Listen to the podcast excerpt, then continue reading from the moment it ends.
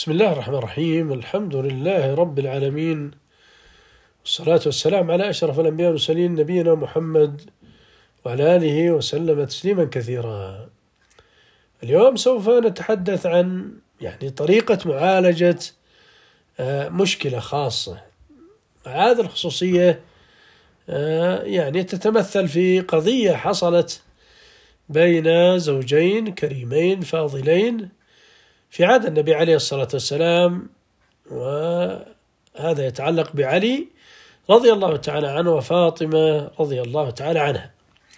سوف نسرد الحديث نتبين بعض الجوانب الفقهية من خلال كلام النبي عليه الصلاة والسلام وهذا الموقف وهذا الحدث العجيب الذي تصرف فيه النبي عليه الصلاة والسلام بمنهجية سوف يعني عندما نتعرض لها من الجانب الفقهي وهو المقصود نستطيع أن نطبقها احتسابا للأجر لأن النبي عليه الصلاة والسلام بين لنا هذا المنهج. آه، جاء رسول الله صلى الله عليه وسلم آه، إلى بيت فاطمة. مجيء النبي عليه الصلاة والسلام إلى بيت فاطمة نأخذ منه فقه أنه يجوز للأب آه، أن يقوم بزيارة لبيت ابنه أو ابنته المتزوجة. وهنا دخل النبي عليه الصلاة والسلام على بيت علي. وهذا أيضا نأخذ منه فقه أنه يجوز دخول الأب على آه، بنته في بيت زوجها من غير إذن إذا علم أن الزوج هذا يرضى بمثل هذا القضية. لأنه قد يكون بين الأب وبين الزوج أمور فلذلك قد يحتاج أحيانا إلى قضية الاستئذان ولا بأس بمثل هذا. وهنا آه، عندما دخل النبي عليه الصلاة والسلام بيت فاطمة لم يجد عليا في البيت. وهنا قبل ذلك نقول بيت فاطمة هو بيت علي رضي الله تعالى عنه. لكن لماذا نسب البيت إلى المرأة ولم ينسب إلى الرجل؟ لأن الله سبحانه وتعالى يقول وقرن في بيوتكن ولا تبرجن تبرج الجاهلية الأولى. هذا آه، في حث على قضية استقرار المرأة في بيتها. هذا في قضية أن المرأة تستقر في بيتها ولا تخرج إلا عند الحاجة. ولذلك نسب البيت لها من باب تأكيد قضية القرار في البيت. وإلا البيت ليس لها وهو بيت علي بن أبي طالب رضي الله تعالى عنها فنسب البيت لها لأنها تعتبر هي الملاصقة والتي تمكث الساعات الطوال في البيت وهذا لها يعتبر شرف لها ومهمة عظيمة جدا في داخل آه، البيت. آه، هنا أيضا نأخذ من هذا آه، يبدو أن النبي عليه الصلاة والسلام دخل في وقت عادة يكون الرجل في بيته. وإلا لما سأل يقول أين علي؟ قال النبي عليه الصلاة والسلام أين علي؟ فهنا عندما سأل ولم يجد عليا وسأل قال أين هو؟ يبدو أن هذا الوقت وقت قيلولة. ولذلك هي أجابت رضي الله تعالى عنها.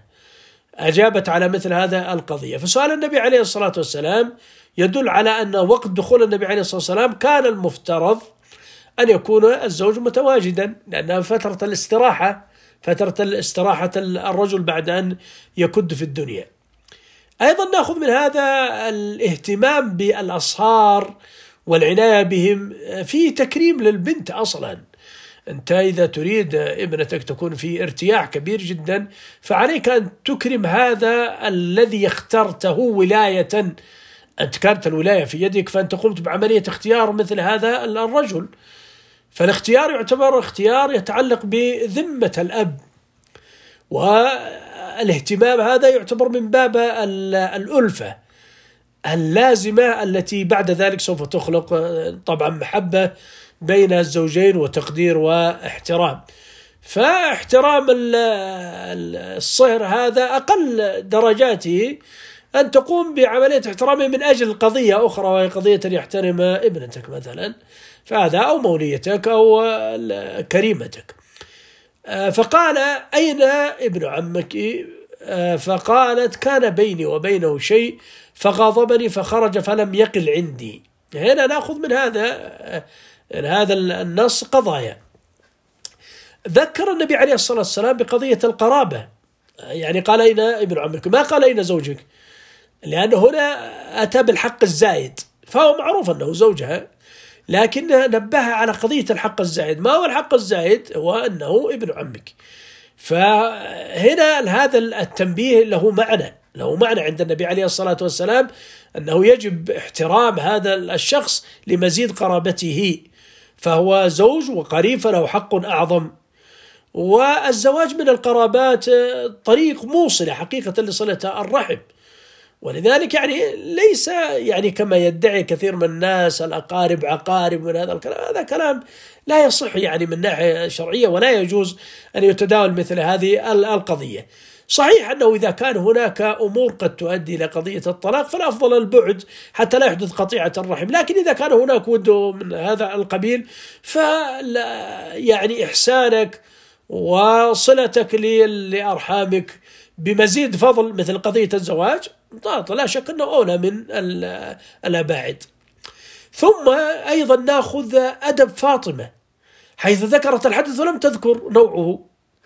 وقالت حصل بينه بيني وبينه آه، تقول شيء كان بيني وبينه شيء ولم تذكر هذا الشيء. وهذا فيه يعني آه، عدة عدة جوانب.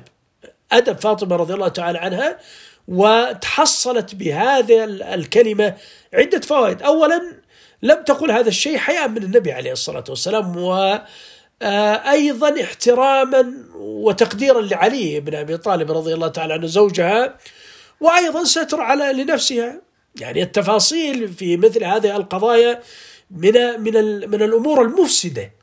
يعني عدم ذكر فاطمة رضي الله تعالى عنها لتفصيلات مثل هذا الشيء هذا يعتبر هو يعتبر نصف حل المشكلة. لذلك أيها المستمعين الكرام آه، لا تحل المشاكل إذا دخل في تفصيلاتها. إذا تم عملية التفرع في تفصيلات المشكلة فلتعلموا أن المشكلة لن تحل. هذا هذا يعني يعني بين وواضح. طيب لما تكون المشكلة فيها حساسية كبيرة جدا يجب تقليص القضية. وعدم ذكر التفصيلات عندما يكون هناك بين الزوجين لأن هناك علاقات خاصة جدا فيجب يعني الاحترام وتقدير الطرفين في هذا الجانب. فلا تذكر التفصيلات كما يفعل بعض الناس الذي ليس عنده يعني فقه في هذا الجانب. قالت رضي الله تعالى عنها فغاضبني يعني بطبيعة الحال لم تدخل في المشكلة مع علي إلا وتظن نفسها أنها على حق. ولذلك قالت غاضبني ولم تقل غاضبته فهي تدفع التهمة عن نفسها وهنا يعني يتنبه الأهل عندما تأتي مشكلة مع ابنتهم ألا تأخذوا العاطفة لقبول ما تقوله ابنتهم على الإطلاق. آه، النبي عليه الصلاة والسلام يعني في آه، حديث عن النبي عليه الصلاة والسلام قال فاطمة بضعة مني فمن أغضبها أغضبني. هنا لم لم يغضب النبي عليه الصلاة والسلام. لماذا لم يغضب النبي عليه الصلاة والسلام؟ لأنه يعني النبي عليه الصلاة والسلام عدل. لأن هناك طرف آخر. والطرف الآخر هذا يجب الاستماع له. فمعنى الحديث أن من غضبها فقد غضبني إذا كان حدوث الغضب حقيقي يعني. وكانت يعني آه، الغضب الذي حدث لها تعدي عليها. فهنا يغضب النبي عليه الصلاة والسلام. أما كون الغضب يعني محتمل أن يكون الطرف الآخر هو الذي لديه الحق فهنا النبي عليه الصلاة والسلام يغضب لأنه عدل لابد أن يستمع إلى الطرف الآخر. ولذلك يعني مجرد المشكلة عندما تحصل هذا أنا أتكلم عن مثل هذا القضايا يعني القواعد التي أقولها ليست مختصة بقضية مشكلة بين الزوجين.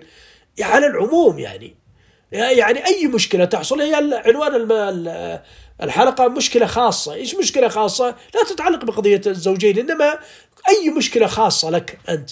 يجب إذا طرحت القضية أن تطرحها بعدل. المصلح يجب أن يكون عدل بحيث أنه يستمع للطرف الآخر فقد يكون الأمر يعني مختلف. ولذلك يعني يذكر أن قاضيا وعالما آه، كان جالسان. فدخلت امرأة تشكي وتبكي من قضية زوجها فقال العالم لأنه ليس ممارسة عنده في قضية مشاكل الناس. قال أظنها مظلومة. قال دعك من هذا الكلام يعني. فقد أتى إخوة يوسف عشاء يبكون. فهذا يعني يمكن أن يكون الأمر مختلف يعني تماما عما يطرحه الخصم. فقالت فلم يقل عندي ها؟ الرجل له مناوشات وتعب مضني مع الناس وألذ ما لديه فترة الراحة في بيته. فصراحة إذا لم يجد آه، الراحة في بيته فإنه لن يجد الراحة في أي مكان آخر. بل عدم ارتياح الزوج يؤدي إلى اختلال نظام الأسرة كاملا. ولذا المرأة الصالحة تصنع بكل وسيلة مباحة. الجو المناسب لاستراحة هذا المحارب الذي يسعى في إسعادهم جميعا. لكن قد يحدث أمر عارضا كما حدث هنا لفاطمة. فلا بأس فلا يمكن بقاء الحال على وتيرة واحدة كما هو موجود في حال الحياة كله جميعا. يحدث مثل هذا المناوشات. المهم ألا تكون يعني أصل هذا القضية ألا تكون أصل. خروج علي من البيت يعني تصرف هو التصرف الأمثل لأن البيت ستر للمرأة فلا يمكن أن تخرج المرأة. وهذا يعني من الأخطاء الفادحة التي نسمعها عن الناس الذي ليس عندهم فقه. يعني خروج الزوج هو الأولى أن يخرج وأن ينسحب من الموقف. لكن كثير من الناس ما يقوم بعملية إخراج المرأة وإخراج المرأة عادة يؤدي إلى قضاء على الأسرة وينتهي بقضية الطلاق.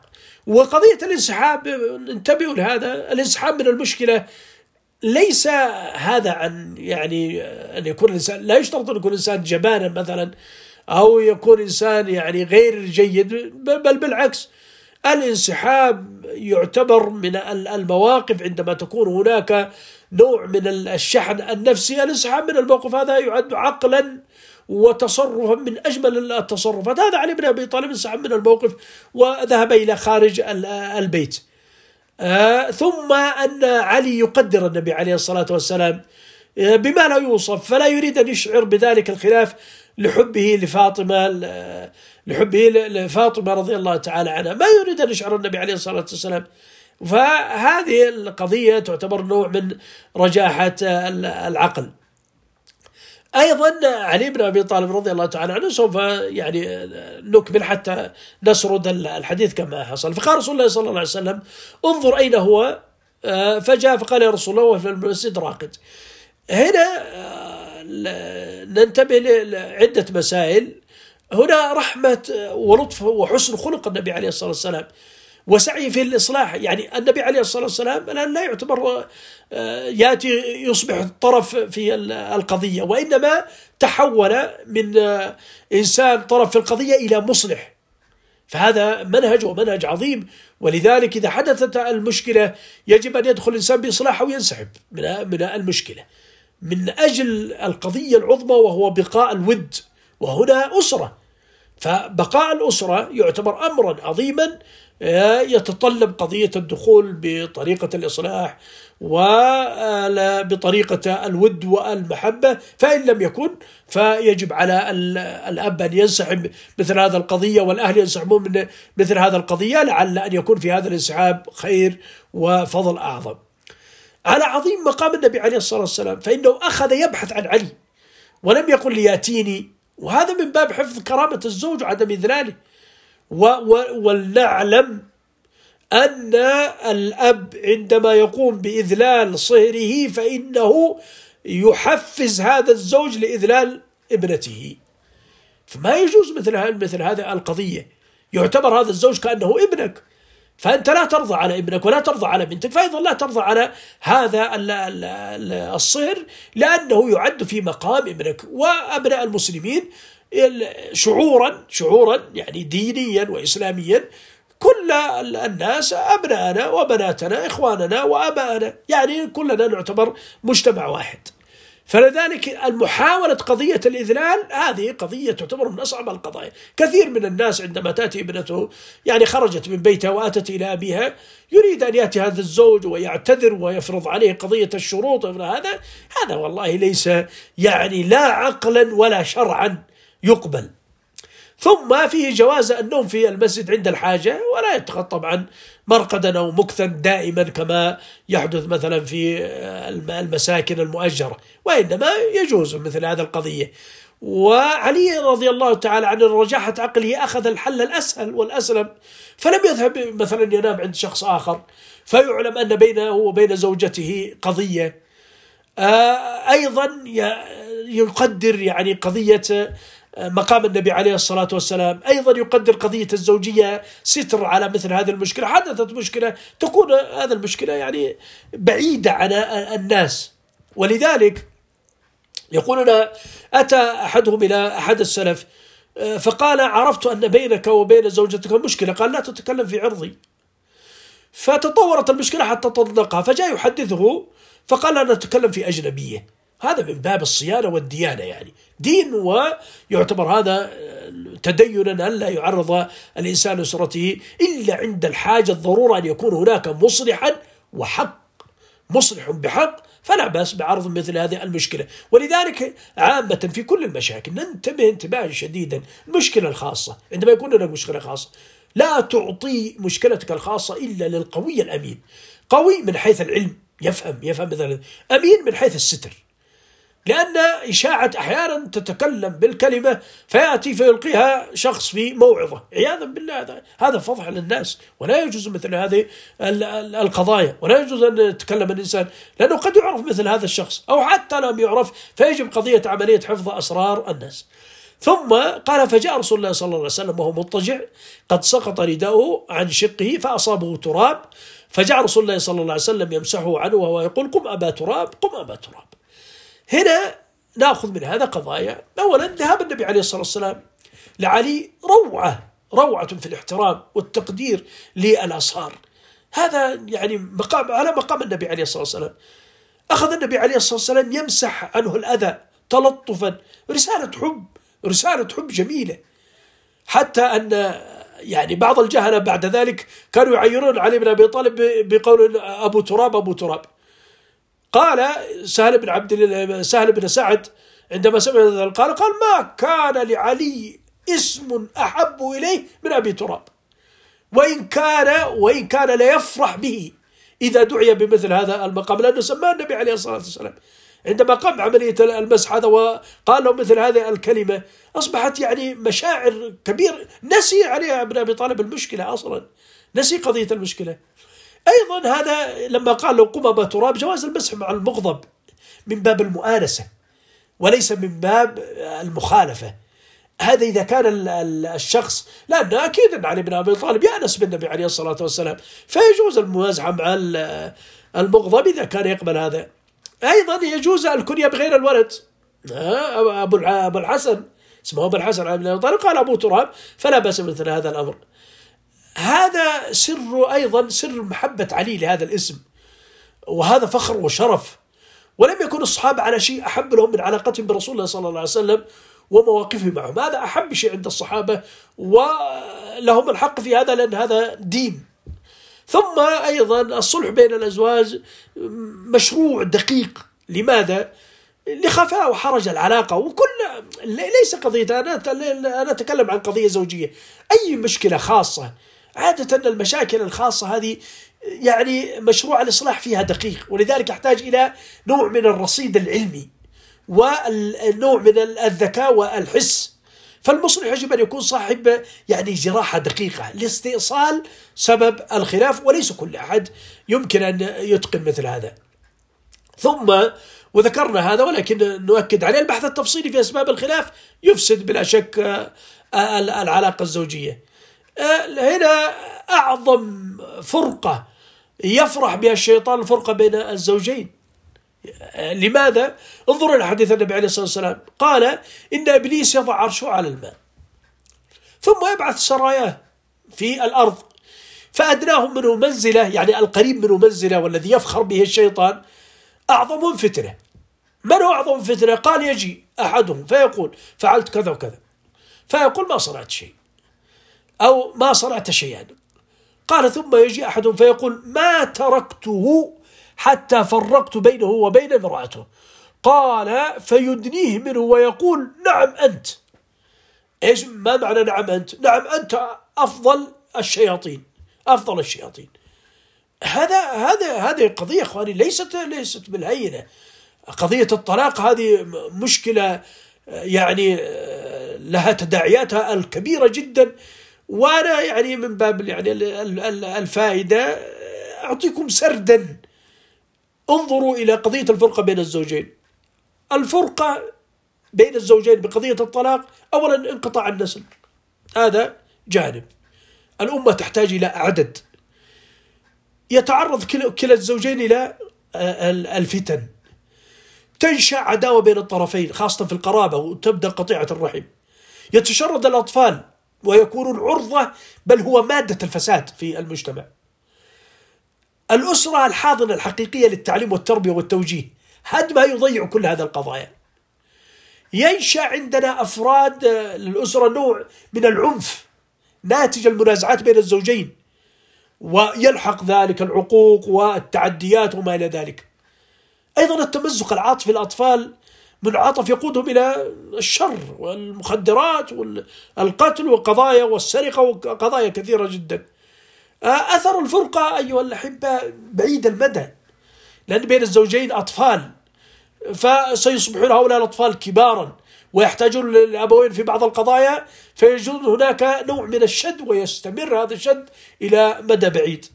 ومهما قلنا فهناك العديد من الآثار السلبية ويمكن أن تنشأ آه، هذه مشاكل طرفية حتى تصيب المجتمع كله كاملا.